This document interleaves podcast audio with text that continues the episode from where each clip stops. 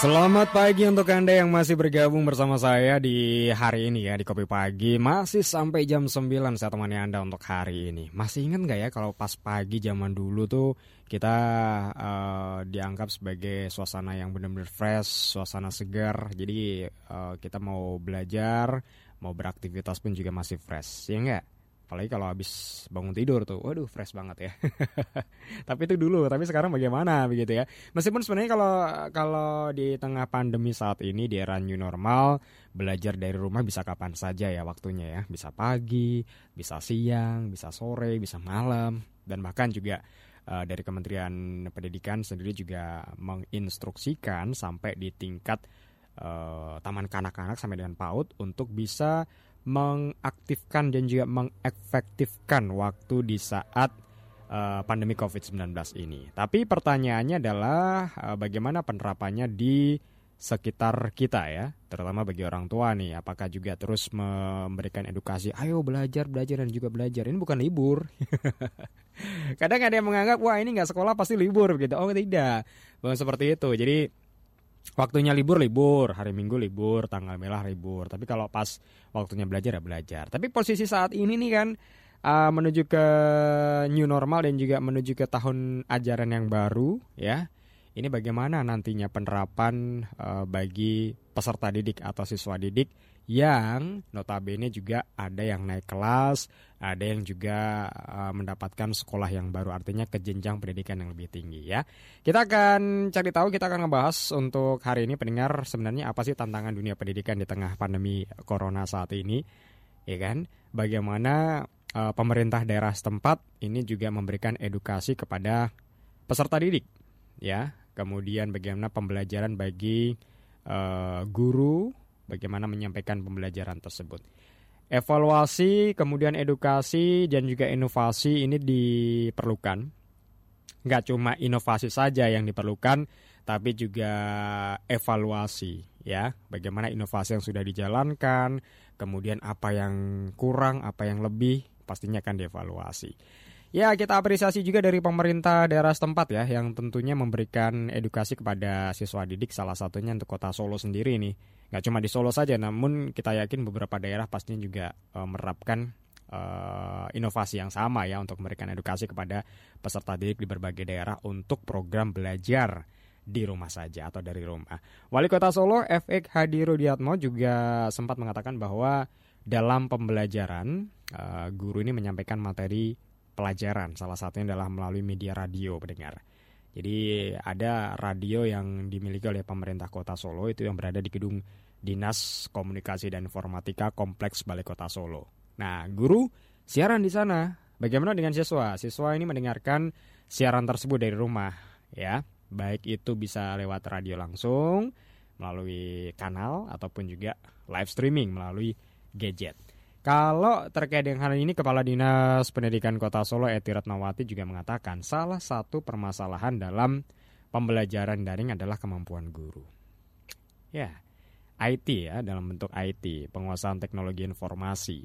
Jadi meskipun nggak semuanya ya, tapi ada sebagian guru yang belum familiar dengan IT ini. Bahkan yang populer dan kerap dipakai dalam pembelajaran-pembelajaran saat ini pun juga masih belum populer. Nah ini menjadi PR bersama ya nggak cuma untuk uh, kita sebagai orang tua, namun juga bagaimana PR bagi tenaga pendidik. Nah, kalau Anda sendiri seperti apa? Apakah hanya sekedar tantangan dunia pendidikan hanya itu saja untuk TI saja atau ada tantangan-tantangan lain? Kalau Anda punya pendapat monggo bisa bergabung di hari ini ya pagi ini. Saya tunggu di telepon 7393889 dan 73937 atau WhatsApp di 081226103103 hari ini juga saya akan confirm dengan Kepala Dinas Pendidikan Kota Solo Ibu Eti Ratnawati dan juga nanti kita akan ngobrol bersama dengan Ketua Lembaga Perlindungan Anak Indonesia Kak Seto Mulyadi. Jadi pastikan terus gabung di 103 Solo Pos FM. Hai, aku Citra Kirana.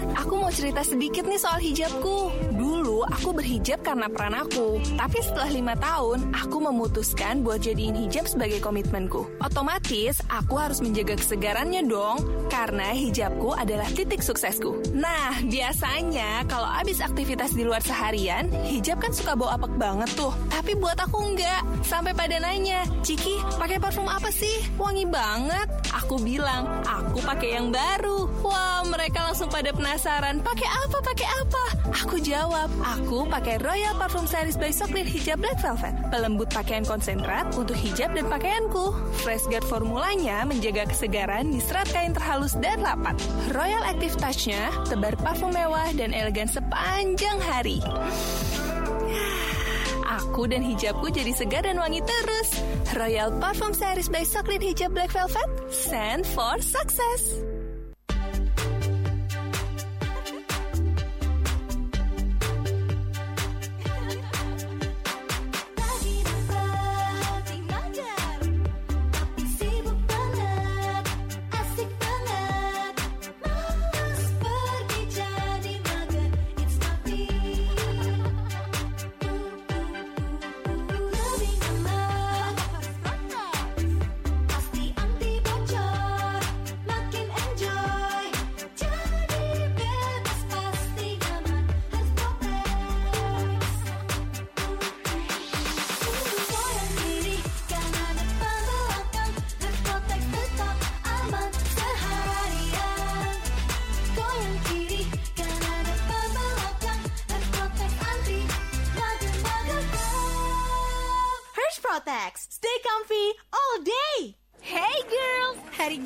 Penampilan tuh harus maksimal. Kece aja nggak cukup, kita harus wangi. So, kece plus wangi baru maksimal. Baru! Wangi dari Fresh and Natural Sparkling Collection Spray Cologne. Wanginya bikin gue makin sparkling dan gue banget. Lo bisa pilih varian wangi yang match sama gaya lo. Wangi Live to Love bikin hari lo makin colorful and playful. Biar lo makin cheerful seharian, semprot aja dengan wangi Viva La Fresh. Buat gaya lo yang unik dan penuh kreasi, pilih wangi Muse of the Day. Ada juga wangi Almost Famousnya yang bikin gaya lo jadi spotlight. Hmm, ini rahasia gue loh, biar makin fresh dan makin sparkling. Come on girls, it's time to shine dengan wangi baru dari Fresh and Natural Sparkling Collection Spray Cologne. Apa pun stylemu, be your own star. Uh, terserah deh, suka-suka kamu aja lah. Ya udah, aku sih tetap sama pilihan aku. Terserah sama pilihan kamu. Atur aja sana sendiri. Iya iya, biar aku atur sendiri aja. Suka-suka aku. Atur aja atur. Kayak ini nih yang jelas rasa dan kualitasnya. Baru mie sedap selection Korean spicy chicken. Atur sendiri pedasnya. Tuang satu, pedas nikmat. Oh, pedas. Tuang dua, pedas gila. Cinca pedas. Indonesia,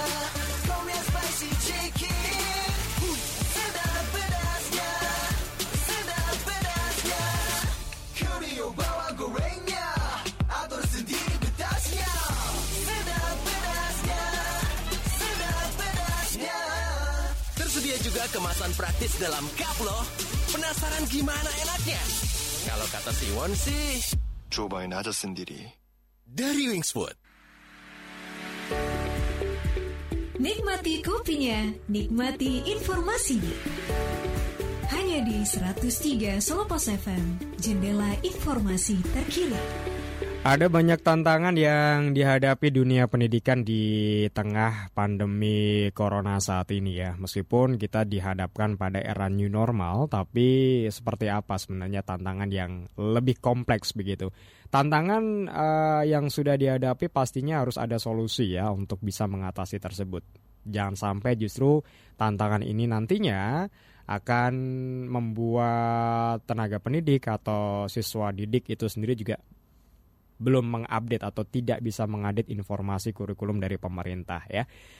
Kita tahu uh, selama beberapa bulan 2 sampai dengan 3 bulan ini siswa-siswi pastinya juga belajar dari rumah ya bukan libur atau bukan diliburkan tapi belajar dari rumah. Mereka juga mau tidak mau eh, kembali beradaptasi dengan belajar ya apa pun bentuk pembelajarannya dengan menggunakan sistem dah eh, dengan sistem daring itu sendiri.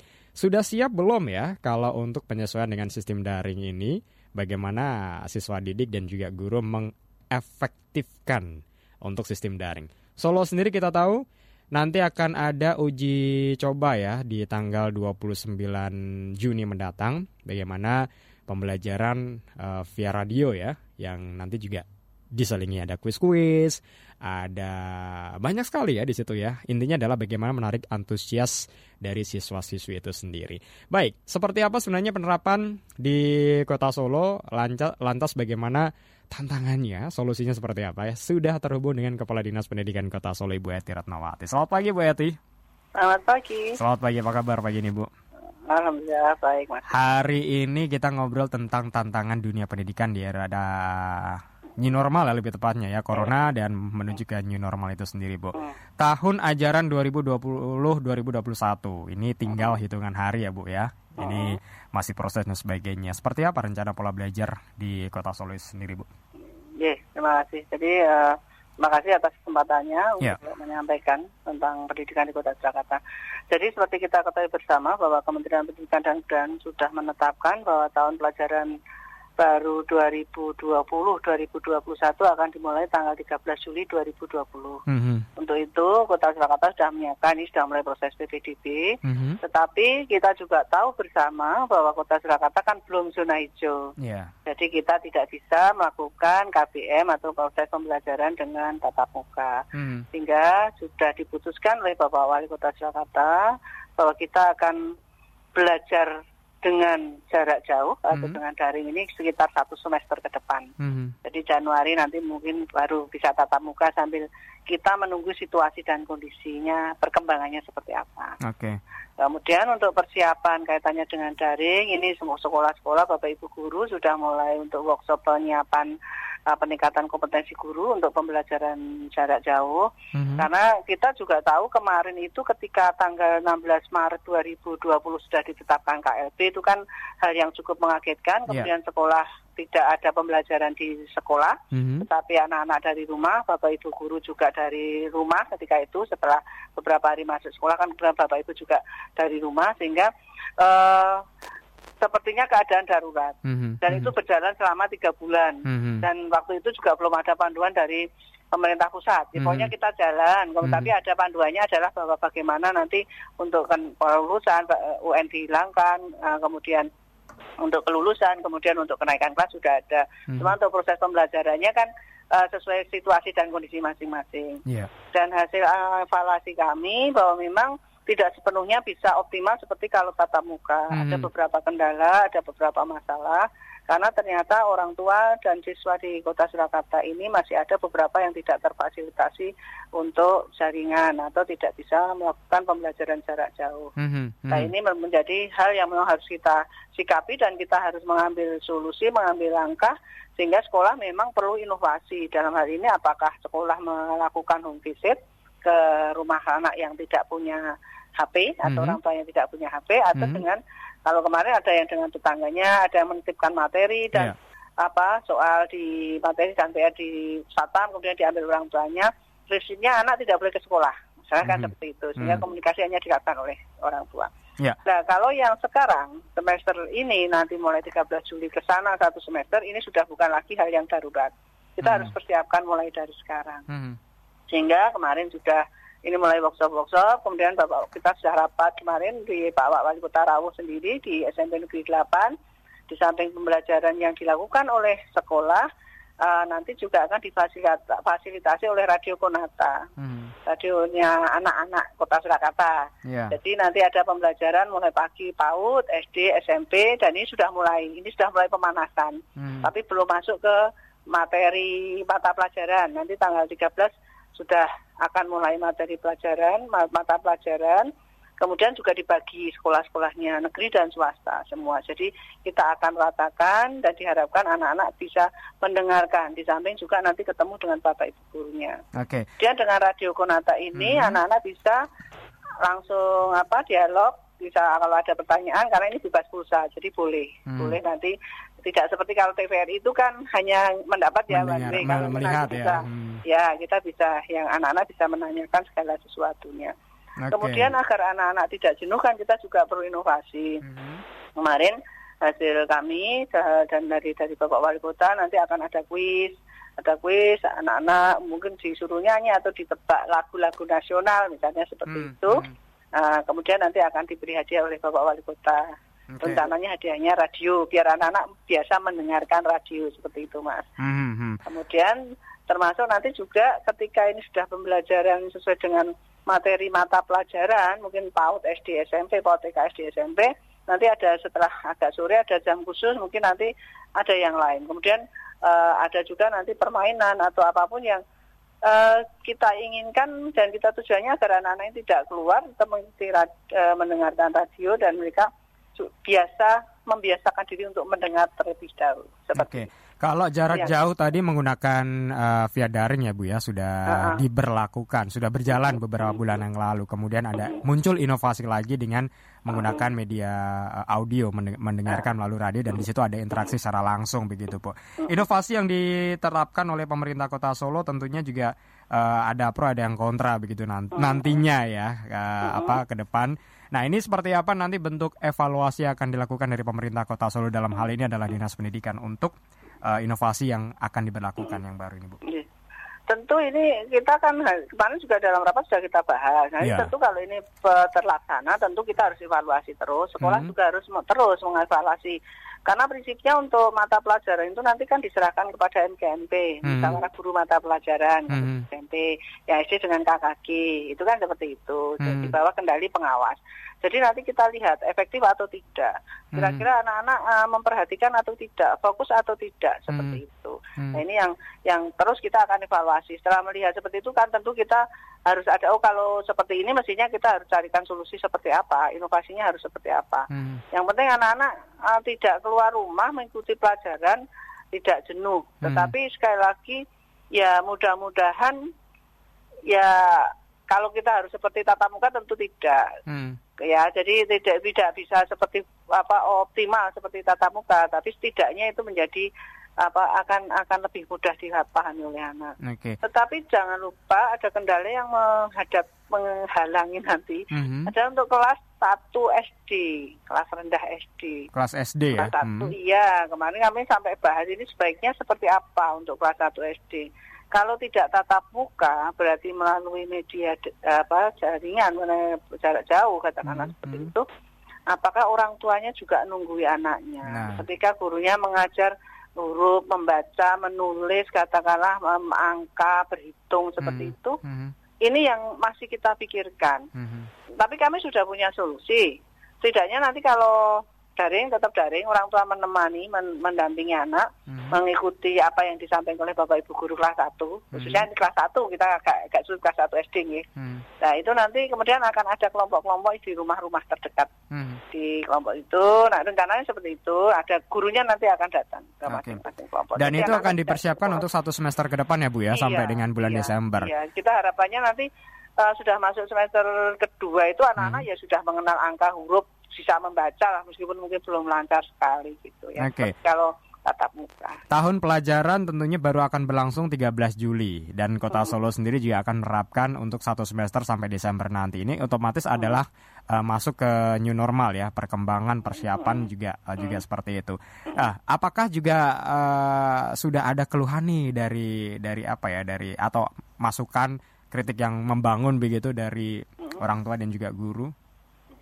Kalau kritik keluhan orang tua itu di awal-awal, Hmm. Maret, Juni, Maret, April itu kemarin banyak karena orang tua juga sama-sama kagetnya dengan kita mungkin ya, dengan Bapak Ibu guru. Iya, Sehingga iya. biasanya jam-jam sekolah anak-anak berada di sekolah di bawah pengawasan Bapak Ibu guru ini harus dengan orang tua. Iya. Kemudian harus mengikuti pelajaran dan Hmm. kemudian ada PR. Ini yang Hmm. Kemudian orang tua kan jadi berat di situ, komplainnya banyak di situ. Hmm. Tapi tapi kan itu mau tidak mau harus kita laksanakan. Hmm. Karena memang memang sebetulnya pertama dan utama pendidik itu adalah orang tua kan di rumah itu kan Hmm, sebenarnya. hmm, hmm. Nah ini yang yang kita kembalikan. Jadi harus ada sinergitas antara rumah atau orang tua dengan sekolah seperti Hmm. itu. Sehingga harus ada komunikasi. Jadi kemarin tiga bulan sudah berjalan sampai dengan kelulusan, Ya. sampai dengan kenaikan kelas sudah, alhamdulillah sudah berjalan semuanya lancar di kota Surakarta. Tinggal ini nanti yang enam bulan harusnya lebih, yang semester ini harusnya lebih baik lah. Lebih siap lagi ya Bu ya. Nah, harus lebih siap karena ini saya katakan ini sudah tidak darurat, sudah tidak darurat. Kalau yang kemarin itu masih darurat lah, karena kita Oke. memang tidak tahu akan terjadi seperti ini. Jadi minimal kita sudah diuji coba ya selama Ya, 2 sampai dengan 3 pemanasan. bulan dan enam bulan ke depan pastinya juga uh, lebih baik Harus lagi. lebih baik. New normal dan nanti di Ya. Januari tahun depan apakah juga akan diterapkan yang sama atau Ya. bagaimana Bu? Melihat situasi, melihat situasi dan kondisi. Kalau Bapak Wali Kota kan tidak mengatakan new normal, kalau Iya. beliau new normal. Sebenarnya kan aturan baru, norma baru yang kita pakai. Itu Eh. sebenarnya bukan norma tapi aturan baru, norma baru. Oke. Jadi ini, tetapi saya harus sampaikan meskipun nanti kita mungkin anak-anak baru bisa masuk Januari, Hmm. masuk ke sekolah, Hmm. tapi sarpra sekolah saya sudah minta untuk dipersiapkan sesuai dengan protokol kesehatan. Iya. Karena itu pasti akan berubah. Kita Ya. tidak bisa kembali ke belakang dengan jumlah anak. Katakan SD maksimal 28, akan 28 itu pasti tidak. Hmm. Itu pasti harus ada shift, anak-anak pasti dibagi, gitu kan Hmm. seperti itu. Jadi itu eh, itu harus diantisipasi mulai dari sekarang, mulai dari cuci tangan, untuk persiapan itu, kemudian toilet juga harus bersih, kemudian eh, masker, kemudian penataan ruang ini sudah sekolah-sekolah di Solo ini sudah mulai menata seperti itu. Oke, persiapan untuk tahun ajaran Iya. yang akan dimulai Iya, 13 jadi Juli nanti ya Bu ya. Kapan pun, kapan pun anak-anak sudah kembali ke sekolah, Hmm. sekolah sudah siap. Oke, terakhir Bu, untuk himbauan kepada para orang tua wali, termasuk juga peserta didik nih, yang Ya. saat ini juga sudah liburan belum sih Bu? Ini Bu, sudah ya? Eh, Ini sudah ini Sudah PPDB, liburan ya ya. PPDB dan nanti akan masuk ke uh, apa uh, Sekolah yang baru. sekolah yang baru ya. Iya. Bagaimana himbauannya Bu? Ye, Jadi eh, kita proses PPDB untuk tahun pelajaran 2020-2021 kan sudah ber- mulai berjalan. Kemarin Hmm. sudah untuk yang afirmasi untuk Gakin dan anak berkebutuhan khusus Hmm. sudah daftar ulang. Kita mulai besok pagi sampai dengan tanggal 30 untuk yang zonasi, kemudian yang prestasi dan kemungkinan pemindahan orang tua. Hmm. Jadi saya berharap Bapak Ibu untuk ikuti semua petunjuk dari kami, tidak ada datang ke sekolah, tidak ada penyerahan dokumen asli di situ, hanya nanti semua di scan. Hanya nanti ketika anak-anak masuk memang harus eh, ditunjukkan kepada sekolah. Tapi saat ini ketika mendaftar cukup dengan scan saja itu sudah cukup. Karena Hmm. kita sudah link dengan Dispenduk Capil. Jadi kalau kita klik kakak itu sudah otomatis. Kemudian kalau ini kan mungkin menjadi hal yang baru ketika tahun pelajaran tidak bisa bertemu, tidak bisa ke sekolah, Iya. tidak bisa bertemu dengan bapak ibu guru, tidak Mhm. bisa kenal teman-temannya kalau yang baru. Hmm. Nah ini tetap harus harus ya kita harus lakukan, harus kita persiapkan. Saya sudah eh, minta kepada sekolah tetap membuat grup-grup, apakah itu Zoom, apakah itu WA grup, tapi yang semua di situ ada satu kelas setidaknya, wali kelasnya siapa, Hmm. siswanya siapa saja.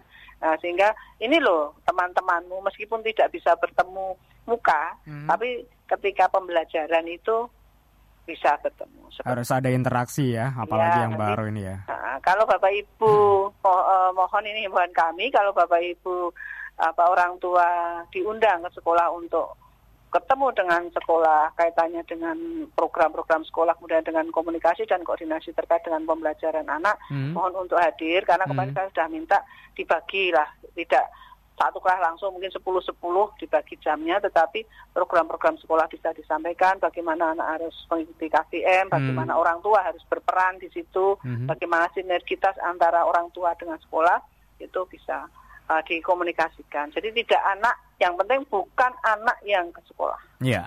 Baik, jadi untuk sementara tahun ajaran baru nanti nggak berangkat pagi-pagi di awal ya Bu ya. enggak, enggak ngantar Nggak nggak berangkat pagi-pagi, nggak cari kursi depan. Bu Eti terima kasih untuk waktunya hari ini Bu. Ya. Eh, semoga sukses untuk pendidikan di Kota Solo termasuk juga inovasi amin. dan juga ditunggu evaluasinya nanti ya. Iya, Terima kasih. Selamat pagi Bu Eti. pagi Baik, Kepala Dinas Pendidikan Kota Solo Ibu Eti Ratnawati sudah kita ajak ngobrol bersama pendengar. Jadi itu tadi ya, ada banyak eh, hal-hal yang apa dibutuhkan, inovasi yang dibutuhkan di tahun ajaran baru. Ya, Kota Solo sendiri kita tahu dari Kementerian Pendidikan Pusat ini juga sudah mulai menerapkan 13 Juli ini sebagai tahun ajaran baru. Kota Solo satu semester ke depan sampai dengan bulan Desember menerapkan uh, proses pendidikan belajar dari rumah itu sendiri dan ke depannya nanti akan lebih siap dan juga lebih baik lagi dari sekarang. Nikmati kopinya, nikmati informasinya. Hanya di 103 Solo Pos FM, jendela informasi terkini. Di sudut kota Italia. Aduh, bos lagi bad mood nih. Aduh. Hey, you! Siap, siap, siap, bos. Ada berita yang enak didengar? Bos, ada peluang bisnis enak. Hidup kita bakal enak, bos. Ah, saya bilang yang enak. Kalau bos mau yang enak, saya kasih yang enak. Pelayan, bawakan top cappuccino sekarang. Hmm, aroma apa ini? Silahkan, bos. Ah, delicioso. Crunchy cokomalnya. Gimana, bos? Enak! Kopi apa? Top cappuccino. Baru Top Cappuccino dari biji kopi spesial dengan milky foam yang lebih tebal dan taburan crunchy cokomal. Aromanya, hmm, so good, taste so delicioso. Kalian semua, cobain Top Cappuccino. Top Cappuccino, the Italian taste of cappuccino dari Wings Food.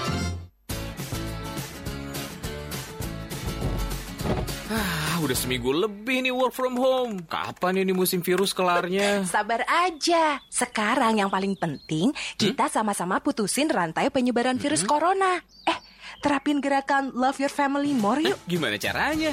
Love Your Family More artinya kita tuh lebih menyayangi keluarga dengan cara-cara kayak gini nih. Patuhi anjuran pemerintah untuk tetap di rumah dan hindari pergi ke tempat keramaian. Ajak keluarga rutin cuci tangan dengan sabun dan air mengalir. Pakai juga hand sanitizer jika sedang bepergian. Dan jangan lupa, mandi minimal dua kali sehari. Wah, kalau itu sih harus. Rutin berjemur di pagi hari dan olahraga teratur.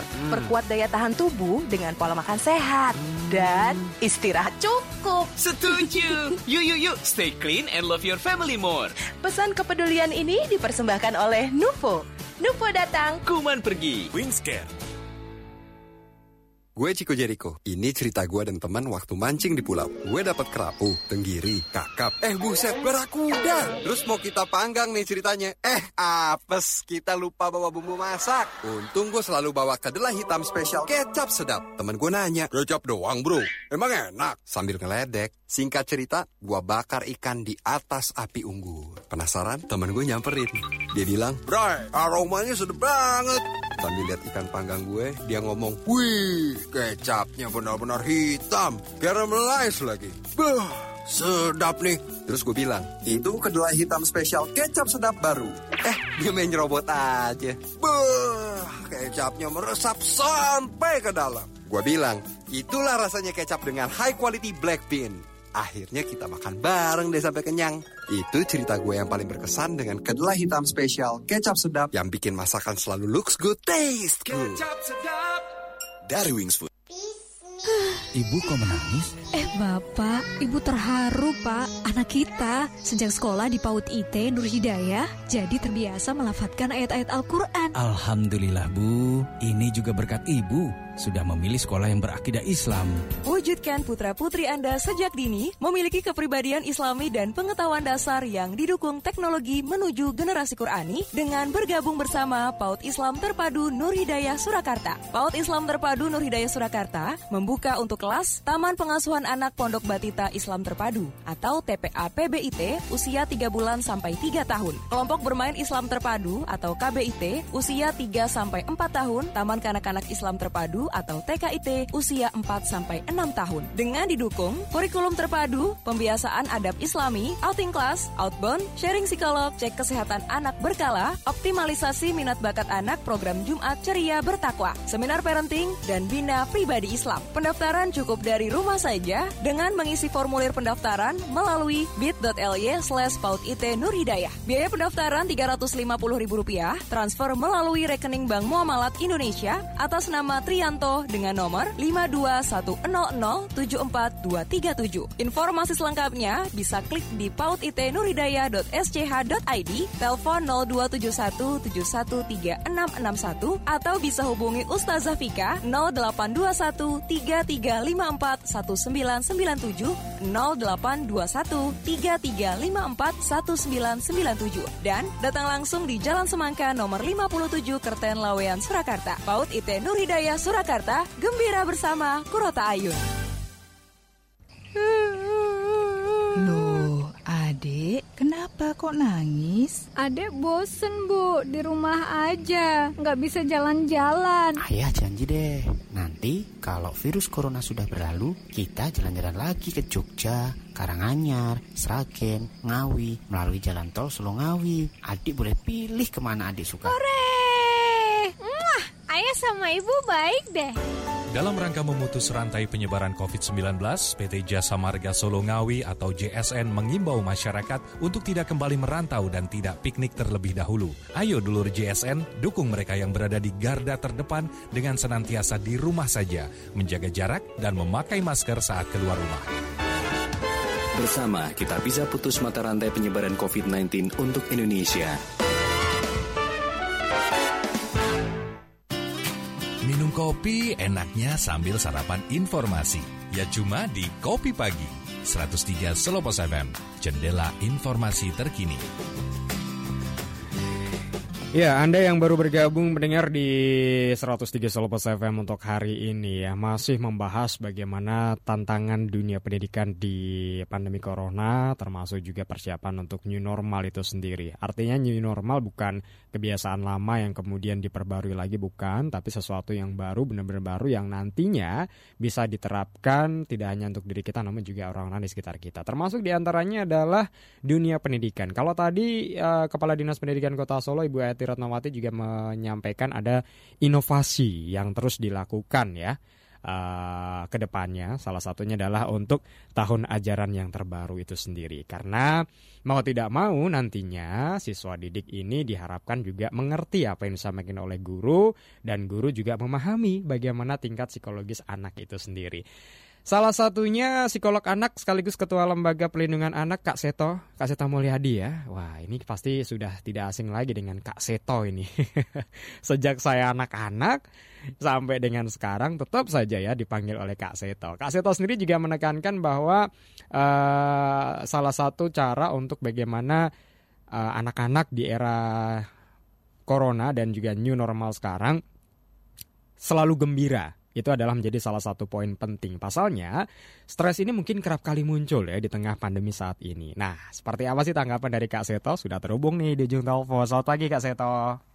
Halo, selamat pagi. Om Selamat pagi Kak Seto. Apa kabar untuk hari ini Kak Seto? Ya, baik, kabar baik. Luar biasa ya hari ini ya. Iya. Tetap tersenyum, tetap bahagia Kak Seto setiap pagi. Alhamdulillah, ya selalu semangat dan gembira. Oke, Kak Seto, ini tadi juga sempat saya baca sebuah artikel begitu ya. Kak Seto menyampaikan bahwa di di tengah pandemi saat ini ya, bahagia, selalu senyum ini juga menjadi salah satu eh, fokus utama untuk anak-anak itu sendiri. Alasannya apa Kak Seto kalau boleh tahu nih? Iya, karena dengan apa ya selalu senyum itu memberikan semacam autosugesti, sugesti Hmm. pada diri kita. Hmm. Senyum itu penuh persahabatan, penuh Hmm. kasih sayang, penuh kekuatan cinta, tapi juga penuh semangat, penuh Hmm. rasa syukur dan terima kasih kepada Tuhan yang Maha Kuasa. Jadi itu yang selalu membuat kita semakin kuat Hmm. begitu. Hmm. menghadapi badai sedahsyat apa pun juga eh, selama itu selalu dipegang teguh ya Hmm. selalu senyum selalu gembira dan semangat ya Ya, Hmm. insya Allah semuanya akan bisa dihadapi dengan sebaik-baiknya Oke, begitu jadi bagaimana membuat hati tetap bahagia begitu ya di saat pandemi saat ini ya, eh, Kak Seto ya. Betul. Sebagai orang Karena- dewasa saja mungkin tingkat psikologisnya pasti kaget begitu, apalagi juga anak-anak. Efek Iya. paling buruk yang eh, dihadapi psikolog eh, psikologis anak apa nih Kak Seto kalau menurut Anda? Iya, itu tadi mungkin semakin apa mungkin semakin lemah, berpengaruh juga pada eh, kesehatan eh, fisiknya ya, Hmm. mudah gampang terkena virus, eh, mudah sakit ya, dan yang kemudian juga hilangnya rasa percaya diri Hmm. dan kemudian bahkan bisa menampilkan berbagai perilaku-perilaku negatif begitu. Hmm. Seperti apa ya, eh, kemudian nggak mau belajar, eh, membenci sekolah, kemudian marah-marah, dan ya mungkin bisa melakukan berbagai tindakan-tindakan menyimpang. Nah itu yang harus kita jaga bersama, Mas Putu. Oke. Kunci kekuatan utama adalah keluarga, karena sebentar lagi tanggal 29 Juni ini kan kita semua merayakan Hari Keluarga Nasional. Iya. Nah, itu mohon diperkuat keluarga dengan saling rukun, Hmm. saling penuh eh, kekompakan, membiasakan semua dibicarakan bersama dari hati ke hati dan Hmm. sebagainya. Mhm, mhm. Tapi kadang ada juga eh, keluarga begitu ya, yang artinya masih belum maksimal untuk menjelaskan kepada buah hatinya terkait dengan eh, sekolah saat ini atau dunia pendidikan saat ini. Kalau dari Kak Seto sendiri sarannya seperti apa Kak Seto? Ya, memang eh, ibaratnya mendidik anak, melindungi anak itu perlu orang sekampung istilahnya. Mhm, mhm. Jadi melibatkan juga bukan hanya ayah dan ibu saja di rumah, tapi juga warga di sekitarnya, Hmm. tetangga kiri kanan. Mhm. Kan kita dalam eh, wilayah itu ada RT, rukun tetangga, Iya. ada RW, rukun warga. Mhm. Ya mohon juga tetap rukun Mhm. dalam menghadapi pandemi yang berkepanjangan ini. Mhm. Artinya saling membantu, saling menyemangati. Mhm. Mungkin kalau ada orang tua yang apa mengenai eh, apa terkendala masalah ekonomi. Nah, Iya. Warga kiri kanan juga mohon peduli untuk juga mau saling membantu. Hmm. Dengan cara demikian maka anak-anak juga ikut terlindungi begitu. Hmm. Oke. Jadi nggak nggak hanya keluarga inti saja, tapi juga keluarga besar di sekitarnya ikut juga ikut mendukung ya Kak Seto ya, salah satunya seperti itu ya Kak Seto. Iya, iya. Jadi di RT RW atau di desa ya, Hmm. kelurahan segala macam itu diberdayakan bahwa Mhm. kita keluarga besar bangsa Indonesia Mhm. begitu. Oke, kadang seperti ini Kak Seto, di apalagi nih ada yang sudah menerapkan new normal ya Kak Seto ya, Eh, pendidikan daring ini juga su- apa ya mau tidak mau juga harus dilakukan di saat-saat pandemi dan juga saat-saat new normal itu sendiri.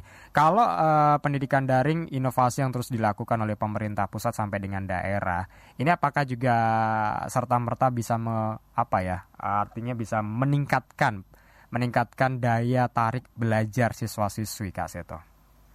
Iya, ini kan eh, merupakan apa ya eh, apa alternatif terbaik dari berbagai kemungkinan yang buruk begitu. Hmm. Jadi kalau selalu dibandingkan dengan wah enakan ke sekolah, enakan nggak ada masalah itu ya memang begitu. Tapi kan kita semua bahkan bukan hanya lokal atau nasional, Aha. ini global ya dipaksa oleh virus yang namanya corona ini ya, untuk dalam rangka menjaga kesehatan dan keselamatan hidup ya. Sekarang memang sementara harus di rumah dulu begitu. Jadi sekarang kita memang harus kreatif menyiasati keadaan yang memang penuh dengan hal-hal yang negatif ini untuk tetap survive. Sehingga anak-anak juga tetap belajar tapi dengan eh, tentu kurikulum yang tidak dipaksakan seperti kurikulum biasa. Iya. Jadi kurikulumnya mungkin ya kurikulum menghadapi hidup, kurikulum kreativitas. Hmm. Bagaimana bisa memanfaatkan berbagai peluang sekecil apa pun juga untuk tetap survive. Iya. begitu. Oke. Kak Seto, ini ada pendengar yang bertanya nih Kak Seto. Ini ada dua pertanyaan yang pertanyaannya hampir mirip. Yang pertama itu ada Ibu Umi, yang satunya lagi ada eh, pendengar tapi tidak menyertakan nama. Anak saya tuh sering menanyakan kapan sekolah, kok saya di rumah saja, kapan bertemu dengan teman-teman. Nah ini eh, kadang orang tua juga takut dengan kondisi psikologis anak ketika menanyakan hal tersebut. Solusi dari Kak Seto sendiri seperti apa Kak Seto? Iya, ya, itulah pentingnya menggelar semacam merapat keluarga secara Hmm. teratur. Hmm. Biasakan pagi kita duduk yuk kita bicara dari hati ke hati. Anak-anak juga digali apa perasaan-perasaannya, kekhawatirannya, ketakutannya dan sebagainya. Lalu dibicarakan dari hati ke hati bahwa iya ayah juga kepingin bisa eh, datang ke kantor setiap hari Ya. seperti biasanya. Bunda juga mungkin mau belanja ke pasar atau berbagai hal mau arisan itu juga. Tapi kita semua dipaksa oleh virus corona ini. Di mana dia lihat itu apa eh, bahkan eh, para dokter yang tahu mengenai kesehatan tetapi karena eh, harus ber apa mengobati eh, para pasien segala macam bisa terpapar virus juga. Padahal sudah dijaga begitu ketatnya.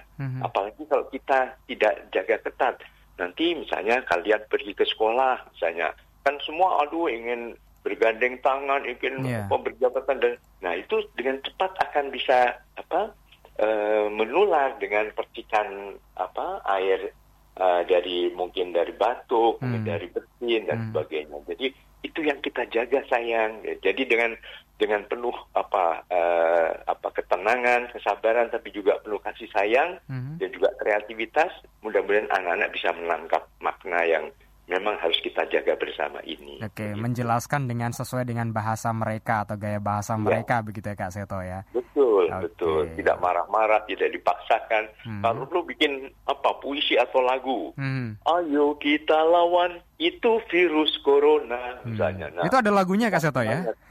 Ah ya saya bikin lagunya justru dalam keadaan di rumah saja ini. Jadi Eh. Jadi jadi kreatif sendiri di rumah. Oh, kalau saya ingatnya kalau Kak Seto tuh yang siko mau lewat ya gitu. yang wele wele. Wele wele itu benar-benar ya karena uh, belajar itu juga harus mengasihkan dan menyenangkan ya Kak Seto ya. Betul, betul, betul. Nggak cuma sekedar untuk uh, bikin ini bikin itu tapi kadang malah nggak ngerti ya. Oke, terakhir nih Kak Seto ada saran khusus nih ya untuk untuk orang tua dan juga untuk uh, siswa siswa didik yang barangkali saat ini juga mendengarkan Solo Pos FM bisa membuat mereka bahagia di tengah pandemi saat ini bagaimana? Apalagi kan tinggal beberapa hari lagi nih masuk ke tahun ajaran baru ya Kak Seto. Iya, iya, ya memang keputusan dari Pak Mas Menteri, Mas buat ya. tahun ajaran baru tetap mulai pertengahan bulan Juli, Hmm. tetapi tidak harus berarti masuk ke sekolah. Ya. Jadi belajar bisa kapan saja, di mana saja, dengan siapa saja, asal sesuai dengan standar kompetensi yang sudah ditetapkan itu. Nah untuk itu memang tadi prinsipnya gembira. Kalau saya selalu memohon kepada para orang tua, juga kepada adik-adik ya, siswa dan pelajar, prinsip gembira ini menjaga keseimbangan dan kesehatan kita. G adalah gerak. Walaupun di rumah saja jangan mager. Artinya biasakan juga apa olahraga ringan, lompat-lompat, misalnya mungkin push up, sit up, eh, apa berbagai hal-hal yang membuat kita eh, tetap fit dan segar. Hmm. Oke. E-nya adalah emosi cerdas. Jadi kalau marah boleh marah tapi marah yang cerdas tidak membanting piring atau memaki-maki tapi sayang ayah marah. Waktu itu kan kita janji belajar bersama kan ya misalnya. Ungkapkan marah tapi tetap dengan senyum, tetap dengan pelukan dan sebagainya. M-nya adalah makan teratur dan sehat. D-nya jangan lupa beribadah dan berdoa. Kemudian I-nya adalah istirahat. Jadi jangan lalu begadang sembarangan, nggak lupa waktu untuk tidur dan istirahat. R-nya selalu rukun dan ramah. Dan A-nya tetap aktif berkarya atau belajar. Oke, jadi ada uh, step by step, point by point yang harus dipenuhi, yang harus dilakukan begitu ya Kak Seto di saat pandemi corona dan juga posisi new normal nantinya ya. Oke Kak Seto terima kasih untuk waktunya hari ini sudah apa kita ajak ngobrol bareng terkait dengan uh, tantangan pendidikan ya di era corona saat ini Kak Seto. Mudah-mudahan banyak manfaat yang bisa didapatkan. Terima kasih Kak Seto. Iya, terputus teleponnya. Oke, dengan psikolog anak dan sekaligus ketua Lembaga Perlindungan Anak Kak Seto Mulyadi sudah kita ajak ngobrol bersama. Tadi sempat ada juga eh, saran ya, saran yang benar-benar bisa diterapkan di sekitar tempat tinggal kita, dimulai dari keluarga kita dan kita menyampaikan dengan gaya anak, gaya bahasa anak. Kalau putra putri Anda di usia eh, 7 sampai dengan 10 tahun seperti apa, 10 sampai dengan 15 tahun seperti apa, atau usia-usia mereka yang tentunya eh, 15 tahun ke atas juga gaya bahasanya seperti apa. Begitu ya. Baik, tadi sudah ada Kak Seto dan juga ada Ibu Eti Ratnawati dan sekarang kita ke pendengar yang sudah bergabung untuk hari ini ya di WhatsApp 081226103103 Bu Nur Syamsia. Terima kasih sudah bergabung untuk hari ini ya. Eh, Oke lah, kita mulai tatap muka Januari nanti, terutama kota Solo ya. Tapi kalau misalkan ada pertemuan dengan guru dan siswanya minimal satu kali dalam satu bulan, walau hanya satu atau dua jam dengan berbagai macam skenario dan protokol kesehatan, ini saran ya tentunya eh, bisa diberikan karena anak juga biar kenal dengan wali kelasnya. Oke, tadi sempat dijawab ya bagaimana kenal dengan wali kelasnya, kenal dengan temannya adalah tetap menggunakan eh, grup bisa itu WhatsApp ataupun juga Zoom tadi sudah disampaikan oleh Bu Eti Retnowati. Ya, eh, kemudian ada juga Pak Sulis eh, tanggapan saya bagaimana dengan pihak yang mengalami kendala digital. Ya, maksudnya adalah bagaimana dengan peserta didik dan orang tua yang tinggal di daerah blank spot sinyal handphone. Ya, bagaimana juga dengan orang tua peserta didik yang kehidupan ekonominya adalah pas-pasan akibat harus tombok untuk beli paketan internet. Oke, terima kasih untuk Pak Sulis. Pak Eko di Kalimantan, terima kasih di Kalimantan Timur sudah bergabung untuk hari ini di 103 Solo Pos FM. Uh, terima kasih sudah menyimak melalui live streaming di www.soloposfm.com ya. Banyak hal yang sudah kita apa bahas untuk hari ini pendengar termasuk ketika banyak sekali yang bertanya begitu. Nanti seperti apa untuk tahun ajaran baru ya? Uh, karena pemerintah sendiri sudah menerapkan tanggal 13 Juli ini sebagai tahun ajaran baru. Meskipun begitu, beberapa daerah sudah akan menerapkan satu semester ke depan. Ini dengan pembelajaran lewat daring, inovasi-inovasinya. Solo melalui radio salah satunya. Kemudian daerah-daerah lain juga uh, tetap menggunakan uh, sistem daring. Tapi bagaimana dengan siswa yang baru? Tadi juga sempat disampaikan begitu Ibu Eti Ratnawati. Kak Seto tadi juga sempat me menyampaikan statement bagaimana anak-anak itu tetap bahagia ya karena intinya adalah ketika anak bahagia otomatis informasi yang disampaikan oleh guru kemampuan guru dalam penguasaan informasi pun akan diserap lebih baik oleh anak-anak. Keluarga juga menjadi uh, bagian untuk mendukung sistem pembelajaran yang diterapkan saat ini uh, salah satunya adalah di Indonesia. Semoga saja banyak hal yang bisa kita lakukan pendengar dan dimulai dari sekarang yang terpenting adalah ada kemauan dan juga kemampuan. Nggak cuma mampu saja tapi nggak ada kemauan, tapi harus didukung juga dengan niat yang baik untuk anak-anak ke depannya. Terima kasih yang sudah bergabung untuk hari ini pendengar di 103 Solo Pos FM. Sekaligus kopi pagi saya kiri. Selepas ini jangan ke mana-mana. Update informasi di kelas peristiwa jam 9 pagi. Saya akan kembali untuk Anda.